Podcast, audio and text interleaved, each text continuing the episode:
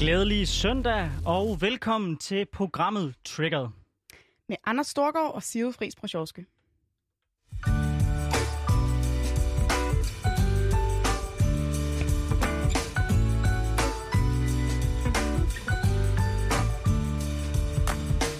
Ja, det her det er jo programmet Triggered, hvor vi hver uge vender de emner, som trigger Sigrid og jeg.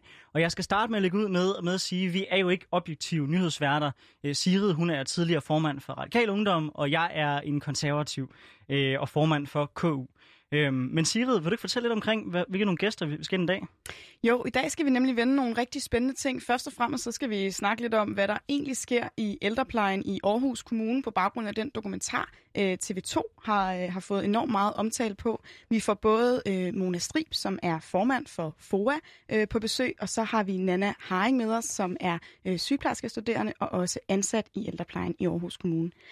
Efter det, så går vi øh, i den helt anden ende af aldersspektret og kigger på de unge. Det er nemlig i den her uge, at næsten 100, mere end 100.000 unge mennesker har fået svar på, om de er optaget på en videregående uddannelse. Et ret skæbnesvangert øjeblik for rigtig mange. Det var det i hvert fald for mig selv for et par år siden, da jeg søgte ind. Så jeg glæder mig rigtig meget både til at folde øh, mine egne synspunkter ud, men ikke mindst til at høre, hvad vores øh, gæster har at fortælle. Jeg tror, det bliver rigtig godt at få nogle, øh, nogle perspektiver med derfra. Ja, Sigrid. Øh... Men først og fremmest så er det dig, der har taget et, øh, et emne med, Anders. Så øh, vil du ikke bare øh, fyre den af? Fortæl os, hvorfor den dokumentar trigger dig så meget? Jo, det vil jeg meget gerne, Sigrid. Det, der trigger mig, det er, at vi er et af verdens dyreste og øh, verdens største velfærdssamfund. Og så vi, kan vi ikke engang finde ud af at passe ordentligt på vores ældre, der er demente. Man siger jo, at et samfund det skal måles på, hvordan det behandler sin svageste. Så hvad siger det egentlig om os som land? Jeg taler selvfølgelig om skandalen, der vælter frem efter TV2's dokumentar om svigt i ældreplejen, hvor demente ældre bogstaveligt talt har måttet sidde deres eget lort i timevis. Men først der vil jeg fortælle lidt omkring, hvorfor det, det betyder noget for mig. Fordi jeg har faktisk en mormor selv, som er øh, dement, og som er, øh, jeg ved ikke, om man kan kalde det indlagt, men i hvert fald bor på et plejehjem for øh, demente øh, i Aarhus. Øh, og, og det er jo en forfærdelig sygdom, fordi det er en forfærdelig sygdom, fordi man ser de mennesker, som man elsker så højt, forsvinde langsomt foran øjnene for en. Øh, min mormor, hun har altid været den, der ligesom, hvis jeg var ud af døren og skulle, skulle i byen, så sige, husk nu, Anders, og øh, ikke drikke dig for fuld og passe godt på, på, på, på en pigerne og opføre ordentligt over for dem. Jeg plejede at svare, at... Øh, at det første, det vil jeg ikke love, men det sidste, det skulle jeg selvfølgelig nok. Mm. Øh, og efter hun er blevet dement, så spørger hun hele tiden, ej, ser du ikke nogen søde piger? Øh, og det er, jo lidt, det er jo lidt vildt at køre i loop, hvor man sådan hele tiden må fortælle, jo, jeg har en sød kæreste. Øh, så, så det jeg gjorde, det var, at jeg, jeg printede et billede ud af hende, øh, og skrev en sød, sød besked til hende, som jeg hang op, for at min mormor, hun kunne huske det. Fordi selv nu, hvor hun knap nok kan huske, hvad hun hedder, så er en af hendes største bekymring, det er stadigvæk, hvorvidt hendes børnebørn, øh, de finder sig nogle søde kærester. Og det, der gør, gør så ondt på mig, når jeg ser de her klip, det er at tænke, tænk nu, hvis det var min mormor, som blev udsat for det. Tænk, hvis det var min mormor, der blev behandlet på den måde, og ikke blev set på som et menneske. Og så synes jeg, at det vi oplever, det er en total frelæggelse af ansvar på tværs af samtlige niveauer, og i særdeleshed politisk. Øhm, Jette, Jette Skive, hun blev interviewet om det her emne, og lad os lige prøve at høre, hvad hun sagde. Prøv at forklare os, hvordan den her behandling af en ældre demensramt kvinde kunne ske på din vagt som rådmand i Aarhus øh, min vagt. Altså nu er der jo ikke nogen, der ved, hvad det er, folk de laver, når de går ind bag ved en lukket dør, desværre. Øh, og det har TV2 jo så vist os med al klar tydelighed, at øh, det var ikke så øh, godt. Det var simpelthen forfærdeligt.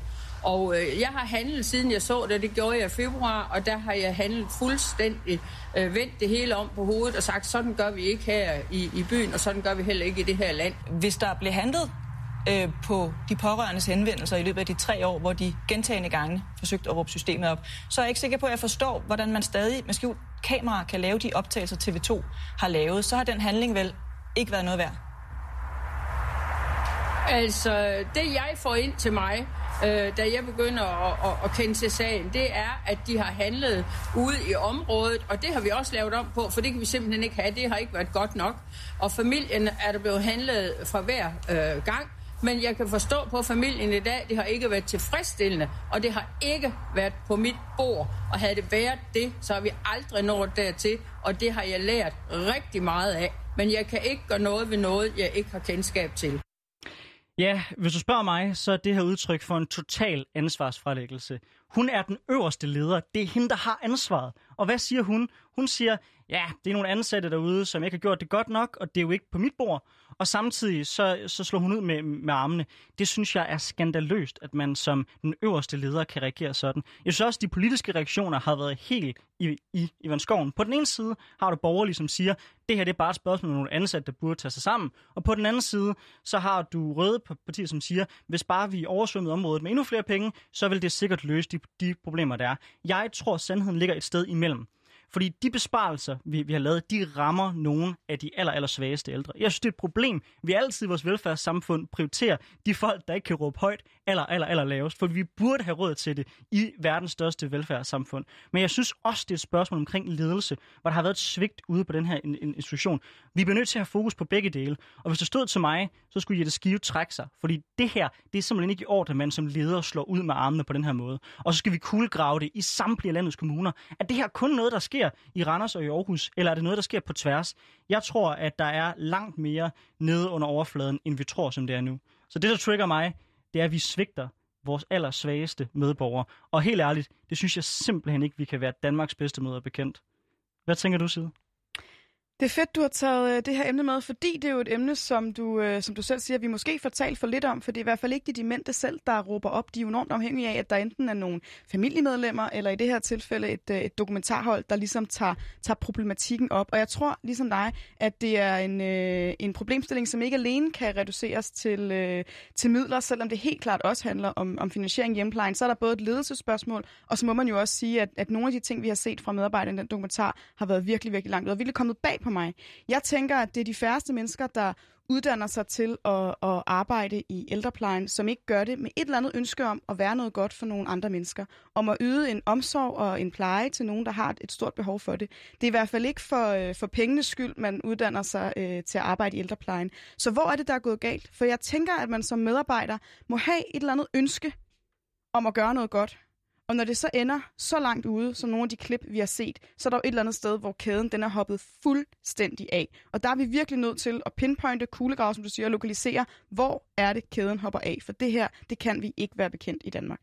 Og en, der virkelig har fingeren på pulsen i forhold til, hvad det er, der, der går galt, det er jo øh, øh, forbundsformanden for øh, FOA, øh, Mona Strib. Og Mona, øh, vi har jo dig med på telefon. Er du der?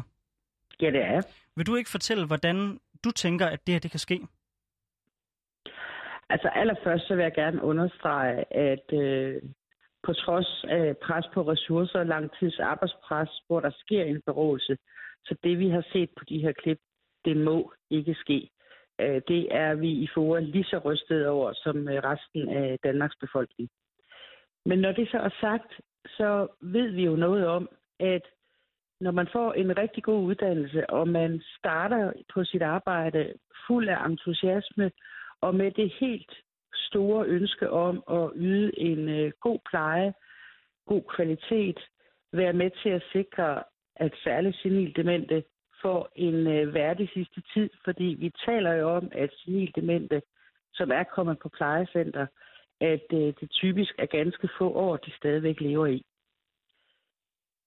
Hvis ja. man så bliver bedt om at udføre sit arbejde på en måde, hvor man ikke leverer den faglighed, man faktisk er uddannet til, fordi der mangler ressourcer, så sker der det, når det sker over mange år, at man får sådan et filter ned foran sig, der gør, at man er nødt til at blive hård, fordi ellers så går man grædende hjem fra arbejde hver dag, og så slutter man faktisk i fadet.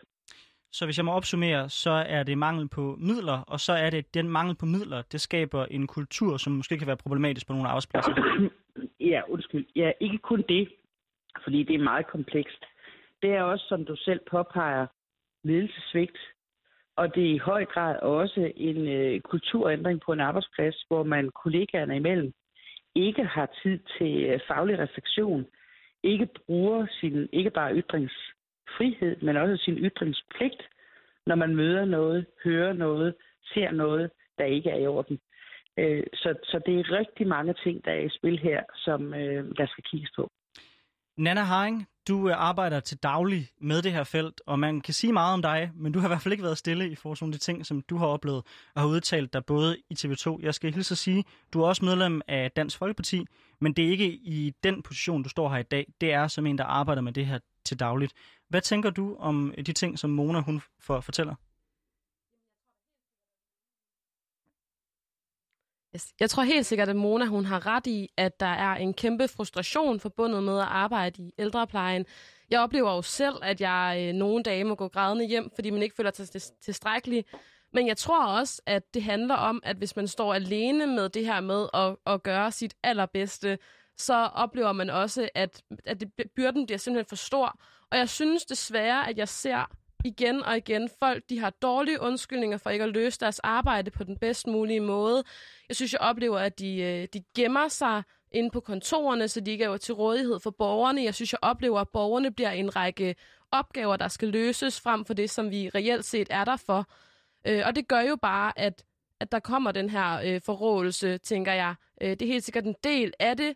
Øh, jeg tror desværre også, at en del af det, det er, at, øh, at folk er for dårlige til at italesætte hinandens faglighed.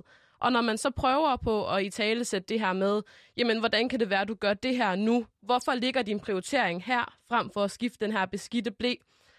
så bliver man mødt af dårlige undskyldninger, og, og man bliver faktisk også mødt på en måde, der er meget skeptisk. Altså, det er ikke længere i orden at i tale sætte hinandens faglighed på en øh, konstruktiv måde.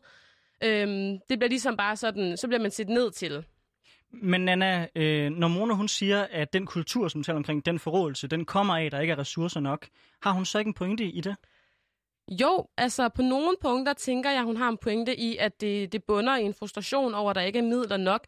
På den anden side, så kan jeg simpelthen ikke lade være med at tænke, at man som individ altid har et ansvar for at passe sit arbejde bedst muligt. Og jeg synes ikke, at man kan skyde skylden på alle mulige andre ting. Jeg synes, at man skal løse sit arbejde bedst muligt med de ressourcer, man nogle gange har til rådighed. Og så kan man godt sige, jeg kunne gøre det endnu bedre, hvis vi, hvis vi fik nogle flere ressourcer. Men det er simpelthen for nemt bare at sige, at nu gider jeg ikke at løse mit arbejde på en god måde. Nu gemmer man bare ind på kontoret med en kop kaffe, fordi at, at der ikke er de midler, som man godt kunne tænke sig. Mona, hvad tænker du om det? Jamen, det er jeg fuldstændig enig i. Man skal ikke gemme sig på kontoret bag ved en øh, kop kaffe. Øhm, og man skal også løse sit arbejde på allerbedste måde, sådan som man overhovedet kan. Altså, jeg vil gerne understrege, at vi kan hverken undskylde eller forklare det, vi har set på det viste klip.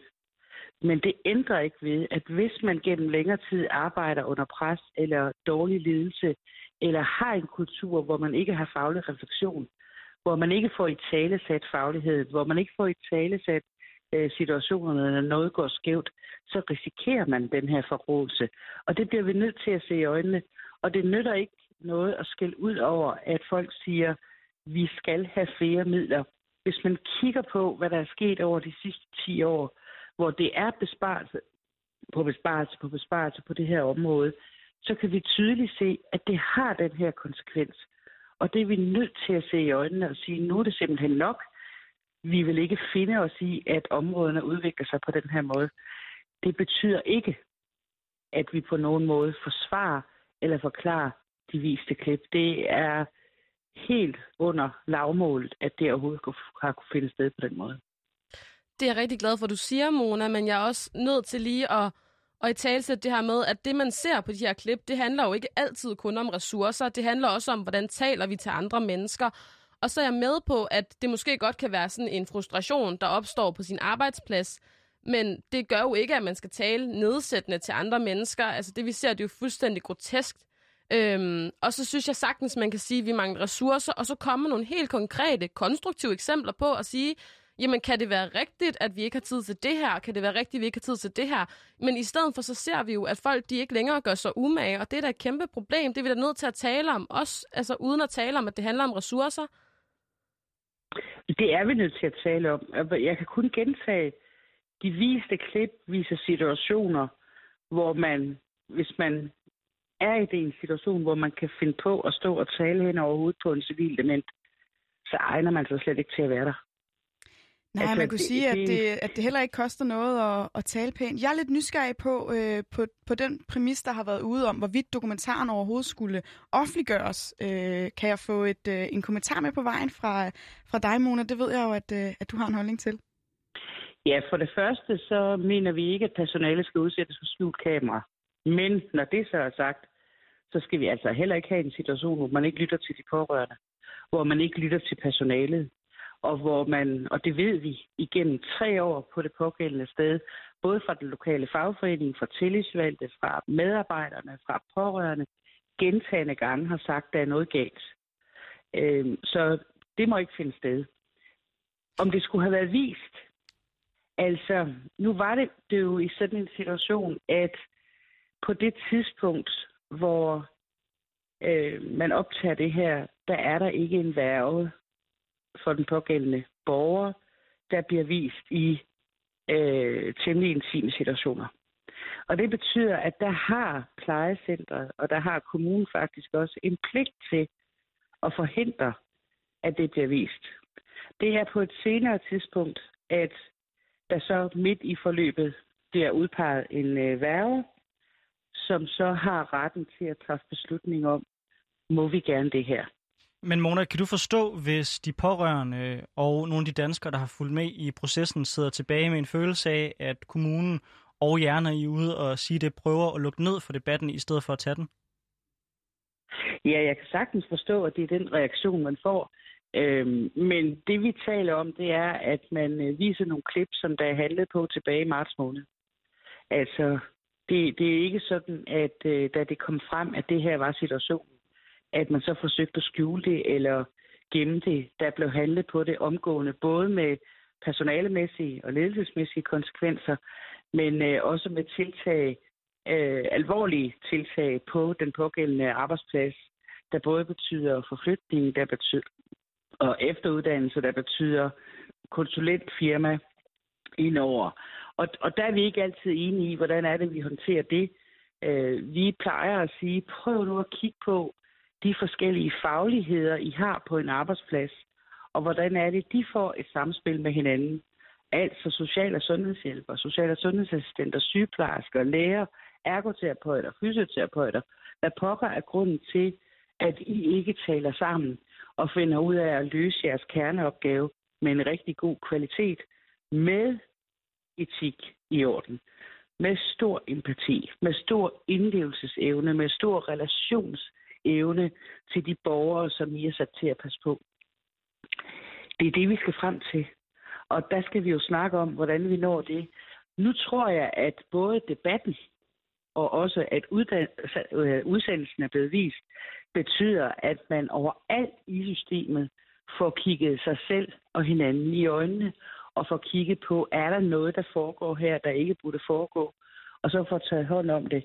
Men det kræver, at politikerne så også vil tage et ansvar og et medansvar for situationen. Men Mona, hvis jeg så må starte, hvis jeg så må starte med at spørge dig, fordi en ting er de konkrete ting, der sker her, noget andet er jo, om det er et generelt fænomen. Øh, mm. Ganske, ganske kort, så vil jeg spørge først dig og så Nana. Øh, er det dit indtryk, at det her det er udbredt i mange kommuner, eller er det noget, der kan isoleres til få tilfælde? Det er noget, der kan isoleres til tilfælde, som sker desværre flere steder. Det er ikke noget, der kun er sket i Aarhus Kommune, eller kun sker i Aarhus Kommune. Jeg tror, vi kan finde eksempler flere steder. Men det må ikke blive til, at vi tror, og sådan er det heller ikke, at øh, alt plejepersonale går på arbejde og opfører sig på den måde, eller at det foregår sådan alle steder. Det her det er ikke et generelt billede af hele ældreplejen eller af samtlige plejecentre. Langt, langt fra. Og der skal vi altså passe på, at vi ikke kommer til at udskamme en øh, hel gruppe præcis på samme måde, som vi heller ikke skal gøre det, når vi på sygehusene har oplevet, at der ligger nogen på gangene øh, og ikke øh, får de tilsyn, som de skal have, eller hvilket fag det nu kunne være. Men altså, det sker også andre steder, og, og derfor, så, og det skal vi være opmærksom på. Vi har et øh, spil, og det kan lyde sådan lidt banalt, men det hedder Sig det højt, gør det fagligt, som er en lang række dilemmaer, skrevet på nogle kort, som vi opfordrer til, at man som personale sætter sig ned og får snakket om de dilemmaer, for at få fat i de svære snakke, altså der, hvor man skal give faglig og konstruktiv kritik af sine kollegaer. Det kan være tonen, det kan være prioriteringen, øh, og det kan også være den klokkeklare faglighed, at man ikke har fået dokumenteret sådan, som man skulle, eller at der er sket svigt i forbindelse med medicinhåndtering. Nå, nu Nana. Det, I skal ordentligt. Undskyld, jeg bliver nødt til at bryde ind nu. Øh, Nana, øh, synes du, det her problem er udbredt? Ja, jeg er jo simpelthen nødt til at erklære mig fuldstændig uenig med dig, Mona, fordi jeg har jo været rigtig mange forskellige steder. Det er også forskellige kommuner, fordi jeg kører som vikar. Det giver mig nogle muligheder for at komme ind og se tingene udefra med nye øjne. Og jeg synes faktisk, at jeg oplever rigtig mange steder, at der er et udbredt problem omkring det her. Øhm, og jeg vil rigtig gerne tilbage til noget, du sagde før faktisk, hvor du snakkede om, at dem, der vi så på de her klip, måske ikke nødvendigvis var egnet til faget. Og så vil jeg rigtig gerne lige have mulighed for at i tale sætte en ret reel problematik, som jeg oplever, når jeg taler med assistenter eller kollegaer, øhm, når det kommer til øh, sundhedsfaglige elever. Fordi det er jo faktisk blevet sådan, at det er rigtig svært at dumpe de her elever, der kommer.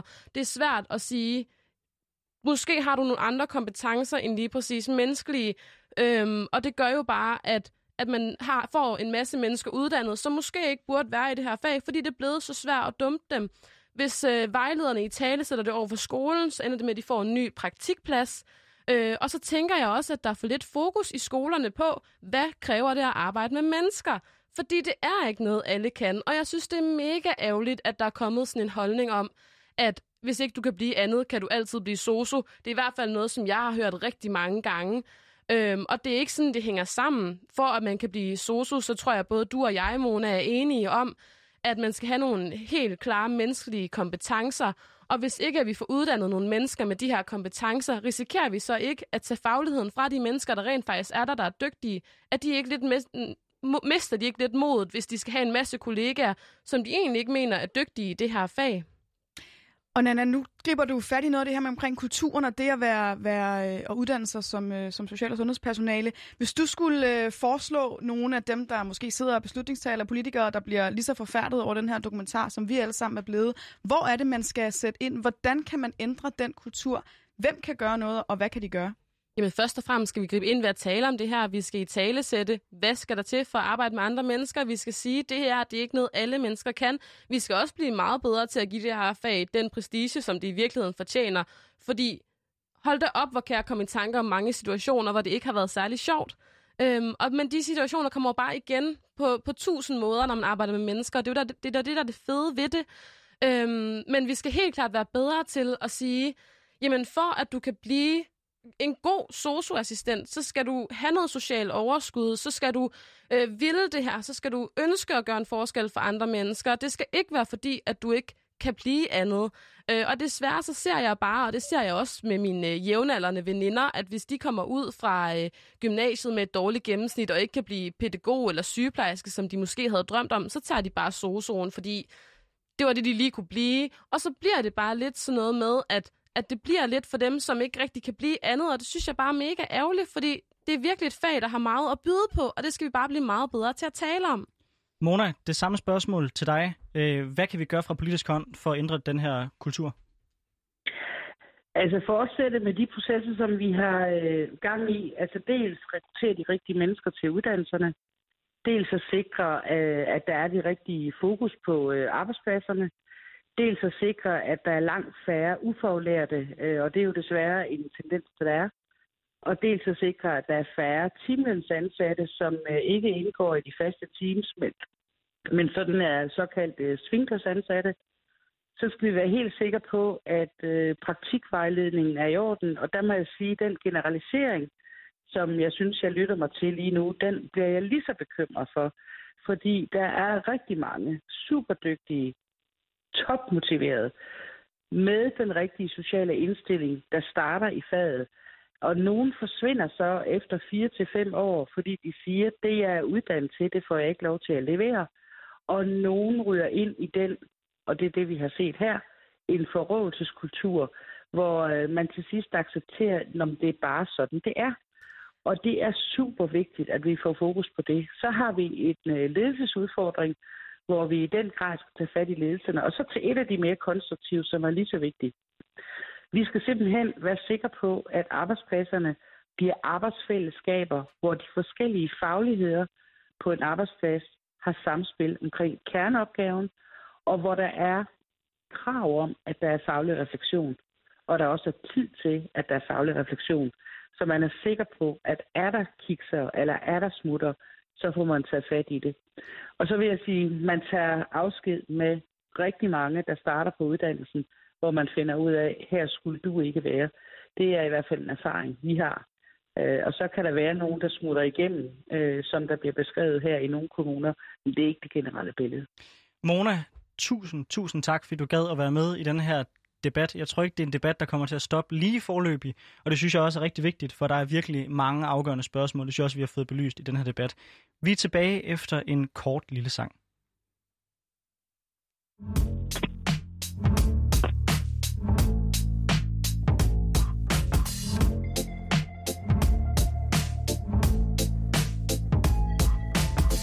Wish I found some better sounds no one's ever heard. I wish I had a better voice that sang some better words. I wish I found some chords in an order that is new.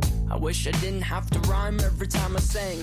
I was told when I get older all my fears would shrink, but now I'm insecure and I care what people think. My name's Blurry Face and I care what you think. My name's Blurry Face and I Wish we could turn back time to the good old days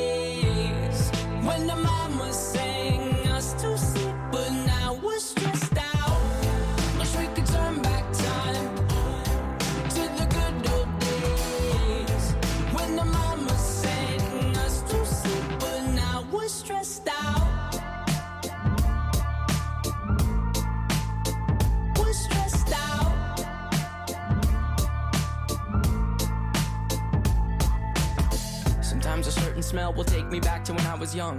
How come I'm never able to identify where it's coming from? I'd make a candle out of it if I ever found it. Try to sell it, never sell out of it. I'd probably only sell one.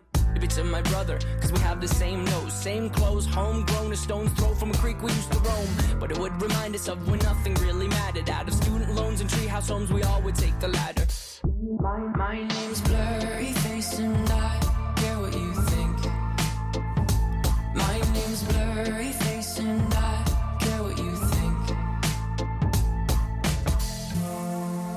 turn back time to the good old days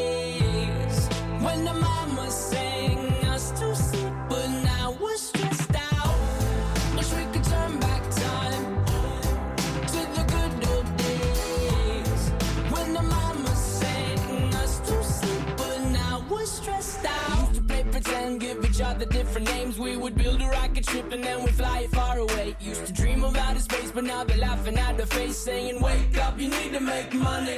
Yeah. We used to play pretend, give each other different names. We would build a rocket ship and then we'd fly it far away. Used to dream of outer space, but now they're laughing at the face, saying, Wake up, you need to make money. Yeah. Wish we could turn back time to the good old days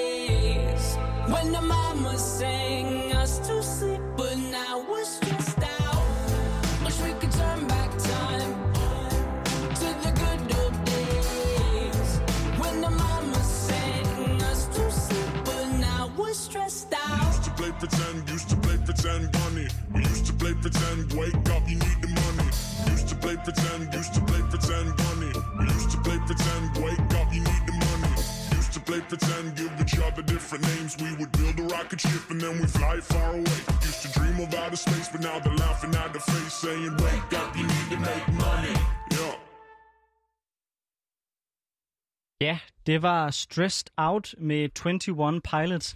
Øh, og så skal vi videre til dagens næste debatemne. Så derfor så vil jeg spørge, Sigrid, hvad trigger dig? Jamen Anders, lad mig, lad mig sætte scenen for dig. Prøv at forestille dig super svedige håndflader og nervøse tryk på opdater-knappen. Sådan foregik det hos mere end 100.000 unge i den her uge. For det var nu, man fik svar på, om man er blevet optaget på en videregående uddannelse. Et virkelig skæbnesvangert øjeblik for de fleste. Jeg kan i hvert fald selv huske følelsen af, at en stor del af ens fremtid defineres af lige præcis det øjeblik, hvor man finder ud af, om man får mulighed for at studere det, man drømmer om. For det kommer alt andet lige til at have en enorm indflydelse på, hvordan ens fremtidige liv ser ud. Og lige nu, der er 2020 et rekordår, hvor flere end nogensinde før har søgt ind på en videregående uddannelse, og flere er også blevet optaget. Til gengæld så er antallet af afviste større end stigningen i optag.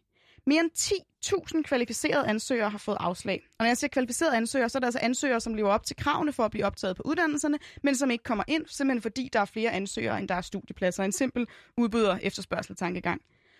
Både eksperterne og politikerne havde forventet, at flere ville søge ind, fordi coronakrisen presser arbejdsmarkedet, og mulighederne for at øh, rejse ud er begrænset. Vi så lidt af den samme tendens efter finanskrisen. Et folketingsflertal på Christiansborg oprettede 5.000 ekstra studiepladser, men alligevel står der altså 10.000 unge med et afslag i hånden lige nu. De står her med deres fremtid som et stort spørgsmålstegn. Og min udfordring, Anders, det er, at jeg er hammerne triggeret over det, men jeg kender ikke de gode svar. Hvor er de politiske løsninger? Skal vi bare oprette endnu flere studiepladser over en bred kamp? Skal unge søge mere bredt, måske geografisk eller måske øh, inden for uddannelsesemner, end de gør i dag? Vi kan i hvert fald se, at der er ledige studiepladser rundt omkring. For eksempel både på datalogi og fysik på Københavns Universitet. Der er ledige pladser på folkeskolelæreruddannelsen og som stærkstrømsinstallatør eller VVS'er. Så måske interesserer unge sig bare for de forkerte fag. Måske tror vi alle sammen bare, at vejen til det gode liv går gennem en studieplads på medicin, jura eller statskundskab. Men sandheden er nok lidt videre end det. Så mit store spørgsmål, og det jeg virkelig går og, og tumler med, det er, hvem kan gøre noget? Hvad kan de gøre? For nogen må gøre noget. De spørgsmål synes jeg, vi skylder et svar på. Jeg synes, der er noget fundamentalt på spil for de her unge mennesker, og jeg synes, der er behov for en eller anden form for redningskrans. Jeg tror ikke, jeg kan finde den selv, så det håber jeg, vi kan bruge den næste halve times tid på. Hvad tænker du, Anders? Jamen Sigrid, jeg er langt hen ad vejen enig. Øh, som jeg ser det, så har vi brugt rigtig mange år på at fortælle alle unge mennesker, at hvis ikke I kommer ind på jura, så er jeres liv slut. Og det gør, at der er en masse mennesker, som tror, at den eneste vej til at få et godt liv, det er at søge den retning. Og noget, jeg synes, der mangler i, den, i det debatoplæg, du har her, det er hele det her spørgsmål mellem, hvordan vi har i talsæt faglærte arbejdspladser versus akademiske arbejdspladser. Fordi jeg mener, at vi i alt for høj grad har talt de akademiske op, og de faglærte ned. Og det ser vi et resultat af nu, hvor unge desværre ikke altid søger ind på de, på de, på de steder, hvor der er arbejde på den anden side. Jeg kunne godt tænke mig rent løsningsmæssigt, at vi sørgede for at få øh, noget mere uddannelsesvejledning på det her spørgsmål. Vi fik nogle faglært ind og fortælle, hvor fedt det er at være faglært i folkeskolen. Jeg kunne også godt tænke mig, at vi så på at få virksomhederne langt mere ind over, øh, hvilket uddannelse der bliver udbudt. Altså nu er eskimologi godt nok blevet nedlagt af andre årsager end den debat, der har kørt her på, på det seneste. Men det synes jeg er et godt eksempel på, at vi nogle gange udbyder øh, uddannelsespladser, som ikke giver særlig meget mening på den anden side. Så hvis vi får virksomhederne langt mere indover, så tror jeg, vi kan gøre det mere oplagt for arbejdsmarkedet på den anden side. Og hvis vi så samtidig kunne det være med at uddanne alle til at være forskere, som vi langt hen ad vejen gør i dag, så tror jeg, vi vil nå et rigtig langt stykke hen ad vejen. Det er fedt, at du efterspørger flere faglærte øh, stemmer i debatten, fordi med os i studiet, der har vi Karl Emil Lind Christensen, som er lærlingeformand for Metal Hovedstaden, og så er du også øh, socialdemokrat. Velkommen til. Lige om lidt skal du få lov til at give dit perspektiv, og inden der skal vi også sige velkommen til Johan Hedegaard Jørgensen, som er formand for Danske Studerendes Fællesråd. Karl vil du ikke lægge for med at sige, hvad det er, der fylder hos dig, hver gang vi taler uddannelse? Jo, øh, jeg synes, at diskussionen om uddannelsesvalg har været gennemsyret af snopperi i rigtig lang tid. Øh, det er som om, at den her drøm om et produktionsløst videnssamfund, hvor vi alle sammen helst bare skulle have så lange uddannelser som overhovedet muligt, det har vist sig at være en ret stor brangforestilling, og har fuldstændig kortsluttet en debat af sådan det efterfølgende arbejdsliv. For vi glemmer lidt, at dem vi uddanner, det er summen af alle deres arbejdsliv, der faktisk skaber det samfund, vi har. Så når jeg synes, at der er noget spændende i sådan uddannelsesvalg, de strukturer og den måde, vi uddanner på, så synes jeg, at hele vores samfundsmodel er på spil. Jeg synes, vi skal have et produktions- og videnssamfund, og jeg synes, vi skal have et velfærdssamfund. Men desværre uddanner vi sådan alt for skævt lige nu, øh, og det har også konsekvenser for det efterfølgende arbejdsliv. Og det viser sig som særligt tallene sådan for humaniora, hvor 3 ud af 10 af dem, vi uddanner, stadigvæk er arbejdsløse efter et halvt år. Øh, og jeg synes bare, at arbejde til alle er sådan et helt vildt vigtigt øh, socialdemokratisk ideal. Øh, og når vi uddanner skævt, så taber vi sgu alle sammen på det. Der har været sådan en overproduktion af humanister. Den enkelte humanist har svært ved at finde et arbejde. Ender måske også nogle gange med at presse HK ud af deres stillinger. Øh, og altså, værdien er så at have et arbejde og gøre det godt. Det skaber selvværd, det skaber selvtillid, det skaber noget karakter, det gør en livsstule. Fordi jeg tror på, at mennesker har sådan en særlig forpligtelse over for hinanden. Og den forpligtelse bliver ligesom aktiveret af, at du går på arbejde og har nogle kollegaer, der regner med dig, og du kan regne med dem. Og det synes jeg ligesom er med til at gøre en livsstule til et helt menneske. Øh, og når vi har den her diskussion om øh, uddannelse, så synes jeg, det er vildt vigtigt at tænke på, hvad, hvad for et arbejde er der på den anden side. Så hvis I spørger mig, hvad de her 10.000 mennesker skal bruge deres tid på, så synes jeg, de skal kigge mod velfærdsuddannelser og naturfagene og øh, erhvervsuddannelserne, som jeg selv kommer fra. For det at have tryghed, frihed og arbejde, det er faktisk øh, noget af det, jeg synes nærmest er sådan en ur, øh, urdrift i mennesket. Øh, så jeg håber ligesom, at de vil orientere sig i den retning. Dejligt. Tak for, øh, for den. Den tror jeg sætter scenen rigtig godt for at få øh, Johan på banen. Du er jo som nævnt formand for Danske Studerendes Fællesråd, og du har også haft øh, masser at se til den her uge, for der har jo været kæmpe interesse for, for spørgsmålet om, om unge øh, søger øh, for snævert, og hvad der skal ske med de, øh, med de 10.000 mennesker, der ikke er blevet optaget på noget. Johan, vil du ikke sætte scenen for os, og hvad er din, øh, hvad er din grundholdning her? Jo, tusind tak. Det vil jeg meget gerne. Øhm, ja, altså vi har snakket rigtig meget om, om optag, som vi jo gør øh, hvert år. Øh, og jeg synes i virkeligheden, problemet er, at hvert år, så taler vi om unge mennesker, som om, at det er altså, nogle små konkurrencestatsrobotter, man bare kan styre hen, der hvor de passer i nogle bestemte kasser. Og det kan vi bare se, at man ikke kan. Altså unge mennesker vælger jo grundlæggende øh, uddannelse ud fra interesse. Og det er jo sådan, det skal være. Så skal man selvfølgelig kunne vælge noget, som har høj kvalitet. Fuldstændig undskyld, fuldstændig uanset om det er en, en håndværkeruddannelse eller en akademisk uddannelse. Men vi kan bare se, at jamen, uanset hvor meget man taler om dimensionering og hvor mangler vi og sådan ting, jamen, så er det ikke, altså, så, så er det enormt svært at styre unges uddannelsesvalg. Og det synes jeg egentlig grundlæggende ikke, man skal. Karl Emil, synes du grundlæggende, man skal kunne styre øh, unges uddannelsesvalg i højere grad? Altså, hvis man er uenig i budskabet, så er det jo altid super nemt at trække det sådan ud til sådan en eller anden ekstrem, for så at argumentere imod det. Og det synes jeg lidt, Johan gør her. Jeg siger ikke, at unge er sådan nogle konkurrencestatsrobotter. Jeg siger bare, at man lige må gøre sig tre overvejelser, inden man vælger uddannelse. Hvad er jeg god til? Hvad synes jeg er spændende? Og hvad gider folk at betale mig for i den anden ende? Altså, fordi at det, altså, for mig at se sindssygt vigtigt, at dem, vi uddanner på den anden side, har et arbejde. Og det her, det er heller ikke drevet af sådan en eller anden specielt had til akademikere, eller sådan en eller anden konkurrencedebat, hvor jeg prøver at snakke nogen ned for at snakke nogle andre op. Det havde også været et problem, hvis vi havde uddannet flere murer, end der var huse, der skulle bygges. Hvis 30 procent af de murer, vi uddannede, de var arbejdsløse, så stod vi jo også med et kæmpestort problem. Fordi når jeg siger arbejdet, det ligesom giver selvtillid, selvværd, noget livsduelighed, noget karakter, så giver arbejdsløshed det modsatte. Og jeg tror meget, at altså, arbejde det bygger mennesker op, og arbejdsløshed nedbryder dem. Så det handler ligesom om den enkeltes sådan, gode liv, synes jeg. Johan, er du bekymret for det gode liv for mange af de øh, men- unge mennesker, der, der nu er blevet optaget på en videregående uddannelse, måske en universitetsuddannelse? Eller hvordan ser du det perspektiv, Karl Emil skitserer her? Jamen altså, jeg er jo langt hen ad vejen enig. Altså, der er jo ikke nogen, der har lyst til at gå, gå arbejdsløs. Øh, Og selvfølgelig øh, handler uddannelse også om at skabe gode liv. Øh, Så, så på den måde er jeg jo langt hen ad vejen enig. Jeg tror bare, der er, der er noget, noget præmis, jeg ikke helt køber. Og, og det er jo, hvis man kigger på, på den generelle ledighed for akademikere, jamen, så har den jo været nærmest konsekvent faldende. Nu er der så lige coronakrisen, der sætter lidt en, en kæppe i hjulet på det. Men ellers har ledigheden været generelt faldende, og vi har faktisk den laveste AC-ledighed siden 1996 på trods af, at rigtig mange flere er gået på universitetet. Så jeg tror, at den her præmis om, at når man så går der sådan nogle øh, ledige akademikere rundt, den, den køber jeg ikke rigtigt. Vi kan godt se, at der er en høj altså søgelighed, lige når man er færdiguddannet, men den falder meget, meget hurtigt. Og der er det jo afgørende, jamen, hvornår er det, man måler. Måler man inden for et halvt år efter en uddannelse, eller måler man efter to år efter en uddannelse? Det gør altså ret stor forskel på de tal, man kan hæve frem. Jamen, det her handler altså ikke kun om arbejdsløshed, Johan. Det her handler også om, hvad folk bruger deres tid på. Fordi hvis vi alle sammen skal leve af at tænke kritisk, så, altså, og vi har kæmpe rekrutteringsproblemer i, produ- i produktionsdanmark, så ender vi jo bare med, at- vores produktionsvirksomheder rykker deres virksomheder til lande, hvor de godt kan finde medarbejdere. Det er jo et kæmpe problem, fordi lige nu der er det 50 procent af Danmarks BNP, som vi hiver hjem ud i industrien ved øh, at eksportere varer, som folk gider at købe af os. Øh, så når, når, når, når du siger, at arbejdsløsheden sådan er faldende, så siger jeg, ja ja, men altså, den er sådan tilsvarende meget, meget, meget alt for lav, både inden for sådan produktion, men sådan set også i velfærdsdanmark. Hvad tror du, der sker med velfærdssamfundet, hvis vi lige pludselig ikke har skolelærer eller sygeplejersker nok til sådan der at passe på vores sårbare? Så tror jeg ligesom, at der, der er sådan noget meget sådan fundamentalt på spil i vores samfundsmodel, hvis ikke vi får gjort op med det her skæve uddannelsesvalg. Johan, den skal du have lov til at replicere på. Ja, men altså, jeg, jeg tror, at det helt grundlæggende svaret er at, at skabe øh, gode forhold for, altså for eksempel lærerstuderende, pædagogstuderende, gode arbejdsforhold på den anden side. Jeg tror bare ikke, løsningen er, at man dimensionerer, og problemet er jo, at vi har enormt svært ved at forudsige, hvad er det, vi skal bruge. Der er nogen, der bor i et samfund, hvor der ikke er hverken øh, produktion eller nogen lærer, noget som helst, det er klart. Men vi kan ikke rigtig forudse, hvad det er, vi har brug for. Altså, det, det kan vi bare se, det ikke virker. Og så tror jeg, at den her idé om, at, at vi øh, uddanner enormt skævt, vi kan bare se, at man har jo sablet humaniora ned de sidste mange år. Altså, man har jo allerede dimensioneret enormt meget på humaniora. Det er på KUA, hvor, man, hvor mængden af studiepladser er faldet med næsten 30 procent på humaniora. Og vi har endnu ikke evalueret effekt af den dimensionering, vi har lavet.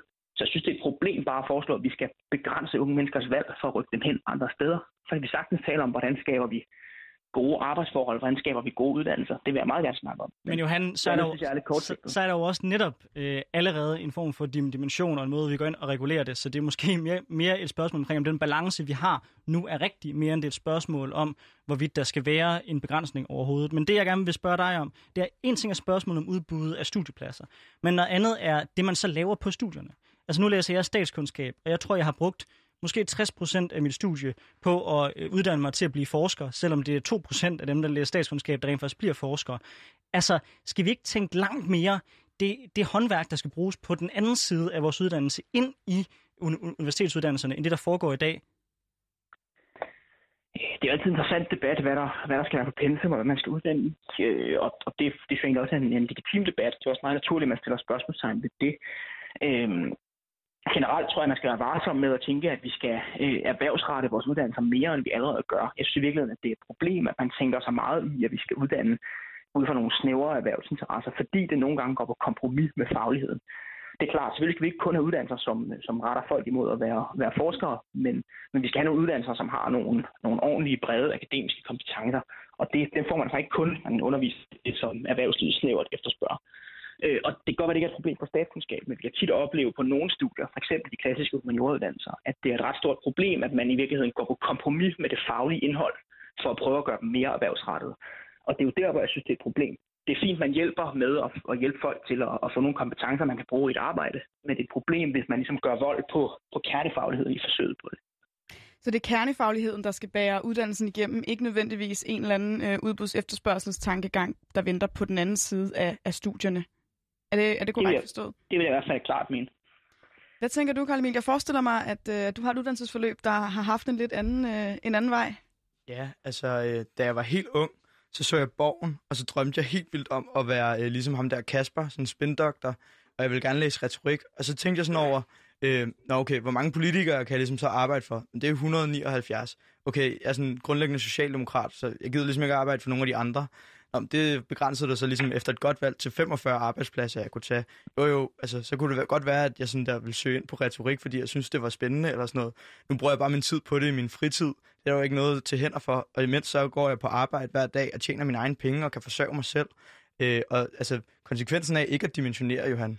Altså, hvis man slet ikke havde gjort noget på humaniora, så havde vi jo bare haft endnu flere arbejdsløse. Og det synes jeg er et langt større problem, end at man ikke lige kan slå op i en bog og læse om noget, man synes er spændende, men som nødvendigvis heller ikke er noget, sådan fællesskabet har brug for på den anden side. Fordi at, altså, sådan, det er jo im og væk sådan en eller anden forpligtelse, man har over for en anden, for at vi skal få det her samfund fremad. Og der bliver jeg bare nødt til at sige, at det er produktions Danmark og sådan hele omsorgssektoren i den offentlige sektor er sådan en rimelig vigtig nøgle i forhold til, og det synes jeg slet ikke, du anerkender. Johan? Jamen, jeg, jeg anerkender gerne, at, at der er enormt vigtige øh, både arbejde og uddannelser. Hvorfor vil du så ikke politisk Det, være man med til at lave om velfærdsuddannelser. på det? Men det, du siger, er jo for en lille smule forkert, fordi vi har ikke evalueret effekten af den nuværende dimensionering. Selvom jeg, og jeg tror ikke, vi bliver enige om, hvorvidt dimensionering er et godt redskab. Altså, fordi jeg, jeg tror i virkeligheden grundlæggende ikke, at man kan rykke unge mennesker. Altså, jeg, jeg tror, at dem, der man så forhindrer i at læse øh, områdestudier, nogle af de små sprogfag, jamen, de ender bare i nogle uddannelser, der minder om dem. Jeg tror ikke grundlæggende, man kan rykke nogen fra at gerne vil læse en humanistisk uddannelse til pludselig at blive ingeniør. Det tror jeg. Øh, det grundforløb, jeg var på, der var der sådan tre, der kom direkte fra universitetet. Og der var en, der havde læst historie. Jeg har også selv gået på gymnasiet. Det gik faktisk okay, øh, selvom jeg går på en erhvervsuddannelse. Så sådan, det er også nogle fordomme der om, hvad, hvad det kunne ske. Men der var en, der havde læst historie, der var en, der havde læst litteraturvidenskab, og så var der en, der havde læst kunsthistorie. Og de havde alle sammen super svært ved at finde et arbejde, efter de havde brugt 18 år på skolebænken. Og så valgte de ligesom arbejdet til, og det er sådan, den måde, jeg uddanner mig på, Johan, der går jeg jo på arbejde hver dag, ligesom altså min kollega, så er der en svend, der står og fortæller mig, hvordan jeg skal. Jeg har faktisk et rigtig godt liv alligevel, fordi jeg har ret meget frihed, når jeg har fri. Det synes jeg er vildt dejligt, og jeg har faktisk også råd til det. Jeg skal ikke bruge tid på sådan lektier og alt muligt. Og det synes jeg er helt vildt fedt, at jeg så kan bruge min tid på her, og sådan bruge den på at snakke i radioen om ting, jeg synes er vigtige. Uden jeg, jeg synes, har alle mulige men- men deadlines. Jeg synes, jeg I begge to dykker ned i et interessant øh, problem, eller et spørgsmålstegn i hvert fald, som handler om, hvem bærer ansvaret, når unge fravælger nogle uddannelser og tilvælger nogle andre. Er det de unge selv, der skal kigge ind af og prioritere anderledes, eller har vi også som samfund og, som, og, og politisk et, et ansvar for at nudge, eller presse, eller opfordre, eller ligesom gelinde øh, guide nogen et andet sted hen? Og jeg godt tænke mig først at høre øh, Johan på den. Ja, jamen, altså, jeg synes i virkeligheden, problemet er, at man retter, retter pilen mod os unge og siger, om det er jeres skyld, I skal vælge noget andet, I skal vælge forkert. jeg synes også, der er nogle, nogle ting i den hele den her uddannelsessnobberi-tankegang, altså, som er en lille smule øh, svært for mig at se, fordi jeg kan godt tænke mig at høre, Karl Emil, hvem er det, der er uddannelsessnobber? Jeg oplever ikke, at det er mine medlemmer, der er uddannelsessnobbet. Jeg oplever alle mulige travlt med at tale om det, og der kan sagtens være, at man tidligere har nedprioriteret erhvervsuddannelse. Det skal jeg måske gerne anerkende. Men jeg tror bare ikke, løsningen er at så, at så rette pilen den anden vej og sige, "Nå, så sabler vi bare universitetsuddannelserne ned, for så at hæve kvaliteten her. Og så Johan, tror jeg bare, Johan, jamen, Johan øh, da, jeg gik, da jeg gik i folkeskolen, øh, der dem i min klasse, der var skarpe fagligt, de fik øh, besked om, du er klog, du skal da på gymnasiet. Tror du ikke, det har en påvirkning på, hvad de unge tænker er det rigtige og det gode liv for dem? Øh, selvfølgelig kan der være noget i, hvordan er det, vi vejleder. Man kan helt klart blive bedre til at give et mere nuanceret billede af vejledning. Det gælder jo også i forhold til kønsstereotyper. Øh, altså vejleder man øh, mænd i retning af, af sygeplejeuddannelsen eller ej. Men, men langt hen ad vejen, så kan vi bare se, at det primære afgørende for folks uddannelsesvalg er faglig interesse. Altså, vi havde også en minister, der sagde, at nu skulle man søge bredt i hele landet, og nu skulle man søge mange steder. Det kan vi bare se ikke har været særlig udslagsgivende. Så jeg er bare skeptisk over for, om det overhovedet virker, og jeg tror ikke, man får bedre og gladere studerende af at prøve at præge dem alt for meget. Hvordan får vi øh, bedre og gladere studerende og samtidig opfyldt øh, dine drømme om vores uddannelsessystem, Karl Emil? Jeg synes, vi skal til at have sådan lidt mere ærlig snak om det efterfølgende arbejdsliv. Altså, hvad man, er, man bruger sin tid på. Og så tror jeg også, vi skal tage noget af presset af de unge, fordi altså, der har aldrig været så meget stress og angst og sådan frygt for at vælge forkert. Og ved du hvorfor, Johan? Jeg tror, det er fordi, der er sådan en helt vildt mærkelig diskurs omkring, at drømmeuddannelsen, det skal helst være den med det allerhøjeste snit, den, der tager allerlængst tid, og den, som man virkelig bare kan sådan få en, en eller anden dannelses, øh, øh, hvad man kan sige, indsigt eller sådan øh, åbenbaring. Øh, og sådan, sådan tror jeg, det tror jeg bare ikke, vi kan leve af. Eller sådan. Jeg, jeg tror, vi bliver nødt til at, at, at sætte, snakke om nogle af de værdier, og noget af det, som arbejdet ligesom kan gøre for folk, øh, og for den enkelte. Øh, og så er jeg faktisk også, jeg er faktisk helt enig med dig om vejledning. Den er rigtig dårlig. Faktisk så skal, altså hvis du ikke bliver erklæret uddannelsesparat, det er det eneste tidspunkt, du har sådan har ret til en individuel samtale. Og altså, jeg, jeg klarede mig også okay i folkeskolen, så jeg fulgte sgu også bare efter alle mine venner sådan over i gymnasiet, og sådan intet ondt ord om sådan gymnasiet, for jeg havde tre rigtig fede år. Men jeg synes bare simpelthen, at det er for simpelt, Johan, at gøre det til sådan en eller anden debat om, om jeg, mit ærne sådan er at sable sådan særlige øh, menneskers øh, faglighed eller universitetet ned. Det er jo en struktur og en skævhed, vi skal have rettet balance i, så vi kan få et videns- og produktionssamfund, der ligesom kan finansiere velfærdssamfundet. Og hvis ikke man anerkender det, men så synes jeg, der er noget meget sådan grundlæggende på spil omkring, hvilken samfundsmodel det er, du så ønsker. Fordi hvis, det, altså, hvis ikke vi regulerer det her overhovedet, eller begynder at snakke om det efterfølgende arbejdsliv, så, så ender vi jo med, sådan, at, at, at, at produktionsdanmark fuldstændig eroderer, fordi de unge ikke har lyst til det og har fået noget andet fortalt. Johan? Jeg er faktisk fuldstændig enig i det der med, med drømmeuddannelsen og lister over høje snit. Det, det kritiserer vi sådan set hvert år, at samtlige medier kun fokuserer på de 10 uddannelser, der har højt snit, og dem Det er også et eksempel på det ting. uddannelsesnopperi, du så ikke kunne se før. Fordi, altså, Jeg, sådan, jeg spurgte dig om, hvem der er der uddannelsesnopper. For det, Det er væsentligt at medierne, for sige, jamen, Det eksempel. er ikke mine medlemmer, der er uddannelsesnopper. Og jeg er fuldstændig enig i, at medierne har en unuanceret dækning af det. Det har jeg heller aldrig sagt andet. Nej, nej, det, det, var, det var bare, altså nu, nu efterspurgte du bare nogle eksempler på uddannelsesnopperi, og det er jo et af dem. Også nogle 12-talselever, der sådan skal hives frem hver øh, sommer og sådan noget, og karakterpres, og jeg skal komme efter dig. Der var aldrig nogensinde nogen, der har sådan bare gået ud i en eller anden produktionsvirksomhed og spurgt en lærling, når, øh, hvad laver du? Og sådan et andet eksempel, det var, der var sådan en tiksvejser, der ringede ind til 3, øh, P3 her forleden, ikke? Og så sagde han, jeg er tiksvejser. Og så ham der radioverden, han vidste ikke engang, hvad det var. Altså sådan, overvej lige, hvor lidt prestige der er i noget, som nogen ikke engang gider at sætte sig ind i, hvad er. Altså hvis du siger, jeg ved ikke, hvad du læser, hvad læser du egentlig? Øh, Jeg læser inter- internationale studier. Jamen, det ved de fleste, hvad er. Eller sådan, øh, jo, det er altså, det er studier om internationale forhold, går jeg ud fra. Øh, og sådan, men, men tiksvejser, det snakker vi aldrig om. Altså, det, der, er ikke, der er ikke nogen øh, artikler om en tiksvejser, der har det fedt på arbejdet, eller sådan på en eller anden måde realiserer sin drømme der. Øh, I virkeligheden, så en tiksvejser får jo ret meget løn, og får egentlig også ret meget frihed efter arbejde til at realisere sin drømme. Et af de mest dannede mennesker, jeg kender, det er Claus, som er min svending. Han har arbejdet som maskinarbejder i 40 år, øh, og er sindssygt god til maskiner og sådan noget, øh, og, og tjener sine penge og går på arbejde hver dag og sådan noget. Og han bruger dem på sin søn, hvor at han så er Danmarksmester i motocross. Det synes jeg er helt vildt fedt at se, at du ved, i virkeligheden, så behøver du ikke at realisere dig selv igennem uddannelse. I virkeligheden kan du godt gøre det i din fritid, og øh, bruge dit arbejde som løftestang. Det er jo for eksempel en af de fede værdier, der er ved et arbejde. Og det kunne jeg godt tænke mig, at vi havde en lidt mere ærlig diskussion om, at det faktisk godt kan være et middel til den enkeltes frihed at have et arbejde, og arbejdsløshed er det modsatte. Og derfor synes jeg, at vi skal dimensionere på universitetsuddannelsen. Super kort. Hvis der nu er nogen, der ikke ved, hvad en tiksvejers er, vil du så ikke lige kort fortælle lytterne det? Jo, jo, altså en svejser, det er sådan en, der, øh, altså tyks det er sådan et særligt materiale, man så ligesom kan smelte, så får sådan samme øh, fedte, eller sådan øh, få to typer metal til at hænge sammen. Jeg skal lige høre, øh, inden vi desværre skal til at runde debatten af, så kunne jeg rigtig godt tænke mig at få, få dig på banen, Johan. Jeg kunne godt tænke mig at stille dig to spørgsmål i et. I din optik og i den bedste af alle verdener, hvad skal unge mennesker bruge som pejlemærke, når de vælger en uddannelse? Og hvis der sidder nogle lyttere derude, som havde håbet på at blive optaget på en uddannelse i den her uge, men blev skuffet, hvad vil du så råde dem til at, at stille op herfra? Ja, jamen, altså, jeg tror virkelig, jeg har sagt det. Altså, jeg synes grundlæggende, man skal vælge lige præcis den uddannelse, man gerne vil, og den uddannelse, synes jeg er spændende. Og så har jeg egentlig ikke holdninger til, hvad det skal være. Jeg synes ikke, der er noget, der er finere end noget andet. Jeg synes bare, man skal vælge det, man, man brænder for, så man er glad for det, man laver. Øhm, og så tror jeg, det er væsentligt at sige, jamen, nu snakker vi, vi har ikke snakket så meget om de der 10.000 unge, som jo står uden, øh, uden studieplads, og det synes jeg virkelig er ret problematisk. Fordi vi kan se, især her med coronakrisen, at de kommer ud til en situation, hvor der er langt færre uforlærte arbejdspladser. Det er langt sværere at ud at rejse. Altså det vil sige, at de står inden for mange situationer øh, i en situation, hvor man ikke på samme måde kan, altså, kan gøre det, man måske ellers ville have gjort i et, i et sabbatår eller lignende.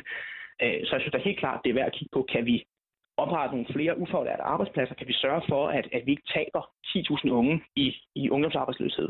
Og så kunne man jo også have oprettet flere pladser på, på uddannelserne og en bred kamp, så man kunne have optaget flere. Men det er klart, det kræver også, at man faktisk aktivt vælger at investere i det. Der er i hvert fald en stor bekymring omkring de 10.000 mennesker, som måske havde ønsket sig at være, være repræsenteret af dig i, i Danske Studerende Fællesråd efter sommerferien, men som, som må se sig skuffet. Jeg tror desværre ikke, vi når øh, mere for denne her debat. I skal have tusind, tusind tak for at give os jeres perspektiver og standpunkter. Og nu skal vi til Selv fremad. tak, det var super spændende at få lov at snakke om. Men før vi gør det, før vi gør det, så vil jeg gerne lige øh, høre dig, Sigrid. Øh, blev, blev, du, blev du klogere? Fik du de svar, som du lidt efter? Altså, jeg synes, det var en utrolig spændende debat, og jeg synes, det var interessant, at der om ikke andet var enighed om, at vi nogle gange har et for firkantet syn på karakterer. Det er målestokken for alt. Ja, og jeg synes, det, øh, jeg synes, det bedste forslag, vi fik på bordet i virkeligheden kom, kom frem her til sidst og sige, skulle der i år have været endnu flere ekstraordinært øh, studiepladser end, øh, end de 5.000, som folketingspartier øh, øh, oprettede. Men jeg synes stadigvæk, der ligger et kæmpestort spørgsmålstegn her og nu akut for de 10.000, og så ligger der samtidig den diskussion, vi fik berørt, nemlig den strukturelle diskussion omkring, hvordan vi får et uddannelsessystem, som både afspejler de ønsker, interesser og kompetencer, som unge mennesker har, og samtidig rummer det, som vores arbejdsmarked efterspørger, også for det samfund, vi gerne vil være. Ja, og med de ord, så tænker jeg, at vi går videre til den politiske vejrudsigt. Øh, hvad kommer du til at holde øje med i den kommende uge?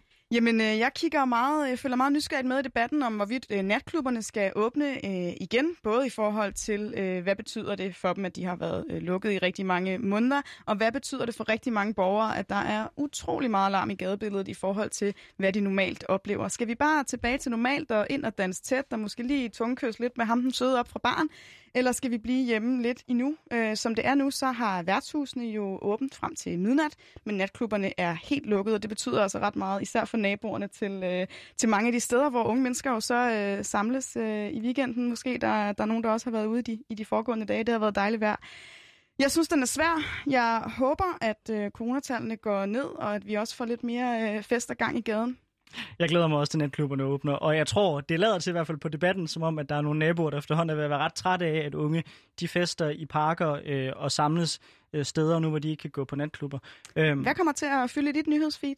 det, der kommer til at fylde i mit nyhedsfeed, tror jeg, det er to ting primært. Det ene, det er, at jeg er en lille smule bekymret for, om vi kommer til at se en anden bølge af corona. Ja. Øh, der er flere lande, der begynder at melde om øh, stigende øh, smittetal, og for at være helt ærlig, så synes jeg, altså jeg kan slet ikke overskue tanken om, hvis hele Danmark skal til at lukke ned endnu en gang. Så det er den ene ting, jeg kommer til at holde øje med. Og den anden ting, jeg kommer til at, til at holde øje med, det er det formandsopgør, der lidt lurer under overfladen med Morten Messmith, der har været ude at tale og kalde til kristen værdikamp og kritisere. Tulsendal. Jeg ved ikke... Øh, Det bliver også lidt spændende. Det kan være, at vi skal invitere uh, Tusinddal og, uh, og Morten Messersmith i studiet næste søndag. Det kunne være rigtig spændende. Men hvad tænker du? Skal vi have et uh, DF som kristen værdibærer? Er det ikke lige en drømmesituation for dig som radikal? Nej, umiddelbart ikke. Jeg synes egentlig ikke nødvendigvis, at politik og religion skal blandes alt for meget sammen. Jeg synes, at øh, religion i høj grad er en, øh, en privat sag, så det vil jeg have det svært med. Jeg er faktisk også lidt skeptisk over for, om det er det, som DF's vælgerbase egentlig ønsker sig. Men jeg forstår godt, at man som medlem af Dansk Folkeparti tænker, at man er i en lidt presset situation, og at et eller andet skal de jo gribe efter. Jeg tror, jeg tror også, det er der, den, den ligger. Og så tror jeg, at Morten han forregner sig lidt. Fordi jeg tror, at øh, en del af DF's DNA, det er selvfølgelig øh, værdikampen. Men jeg tror, at den måde, som deres vælgere typisk går til værdikampen, det er ikke så akademisk, som det øh, Morten Messerschmidt han lægger op til her. Så jeg tror lidt, vi er en situation, hvor han appellerer rigtig meget til nogle partimedlemmer, der kunne godt kunne tænke sig, at de blev skarpere, men måske ikke så meget til vælgerne. Men jeg tænker, det var det for programmet i dag. Det var det, vi nåede i dag. Vi er tilbage på næste søndag igen fra kl. 11.05 øh, her live. Og øh, lige om lidt, så får I nyhederne. De starter her kl. 12.00 og bliver sendt fra Svendborg.